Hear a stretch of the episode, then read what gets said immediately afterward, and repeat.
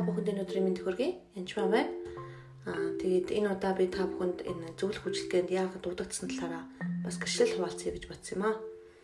Тэгэхээр би 2006 онд хоёр дахь хүүхдээ гаргаад Солонгост байсан үе. Тухайн үед би KAIST гээд Солонгосын сургуульд математик статистикийн чиглэлээр магистр суралцж байсан. Хүүхдээ гаргаад удаагүй байсан. Тэгээд бас сүмийн болсон үйлчлэлтэй олон хүү оюутнууд зориулсан үйлчлэлтэй хоолунд хийдэг. Нэлийн тэм завгүй байдаг. Өглөө болгон одоо өглөөний залбиралд явдаг. Нэлийн тэм олон ажил давхцуул давхцуулж хийдэг тийм хүн байсан. Тэгээд тэрнээсээ босноосоо илүү бас тодорхой хэмжээнд жоохон тийм огцон мууртай юм л болоод бухимддаг тийм хэцүү байсан үе л дээ. Тэгээд манай сум дээр Бэти Мичл гэдэг эмэгтэй ирж хичээл заасан юм.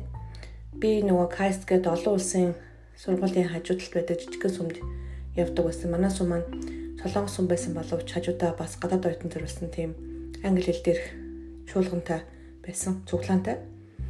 Тэгээд зочин багш маань тийм жижигхэн даруухан эмэгтэй байсан. Тэгтээ их хөгжилтөө тэгээд чага чага нээсэн тийм эмэгтэй байсан. Нилээ яожлсан байдалтай ярьдаг. Тэгээд тэрээр би Магадгүй та нар надаас илүү библ мэдэх байхаа. Гэхдээ би та бүхэнд самар хүний түүхийг хуваалцж өгье гэж хэлсэн.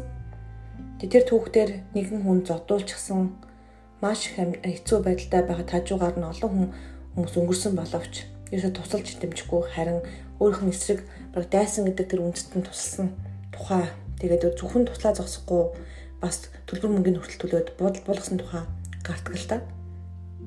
Тэгээд тэр түүхийг сонсоод би маш их уйлсан байгаа. Өөрөө мэдэхгүй л болоод уйлаад байсан. Тэг ягаад уйлж байсан ерөөсөө мдээгүй. Ариун сүнсээр дурж уйлж байсан би ерөөсөө мдээгүй байсан тэр хойд. Ээжигээ бодоод л уйлаад л янз янзын бодоод л уйлаад байсан. Тэгээд нэрийн хуцаа аваад үлдсэн. Тэгэд ярандаа гэж бодоод тэгэл орхичихсан байсан. 9 сард болсон явдал.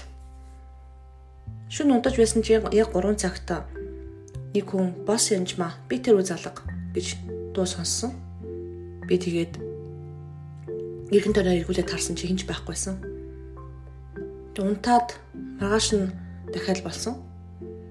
Яг 3 цагт дахиад миний бүр хүнжил хөдлөөд бос янжмаа би тэр үе залга гэсэн дуу сонссон. Ер нь би аудио дөө үнэс очныг олон сонсоогүй.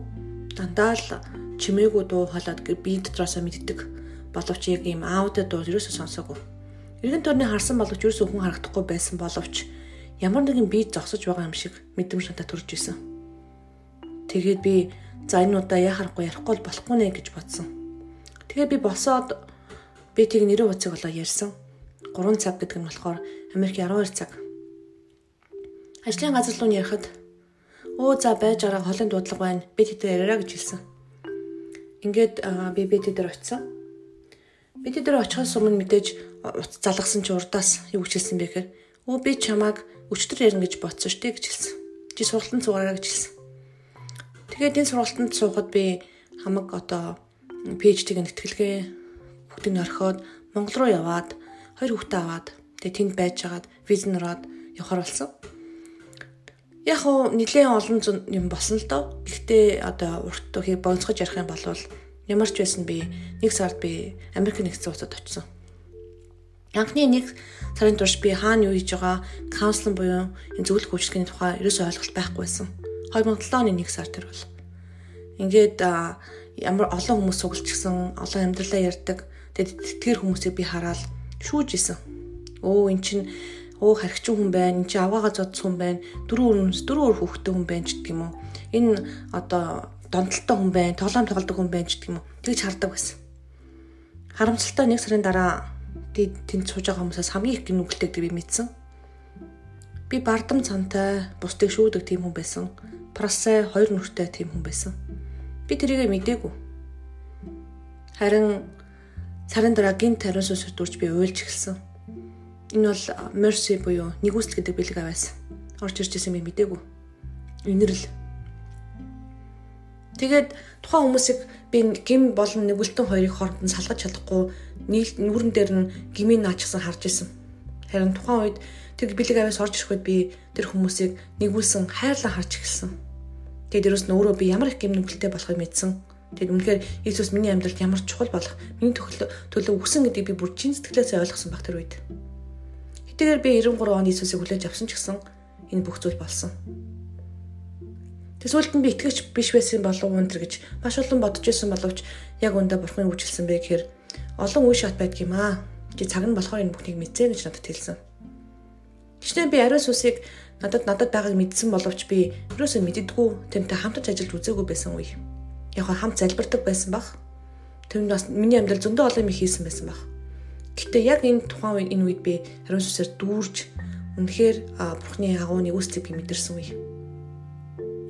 Үүнээс хойш би каунслан дуудлагатаа ажиллаж эхэлсэн. Тэгээд мэдээж энэ ажил бол амархан дуудлага байгаагүй. Тэгэхээр та бүхэнд миний гэрчлэл сонирхолтой байсан бахаа гэж бодож байна. Тийм бол дараагийн подкастаа сонсороо. Баярлалаа.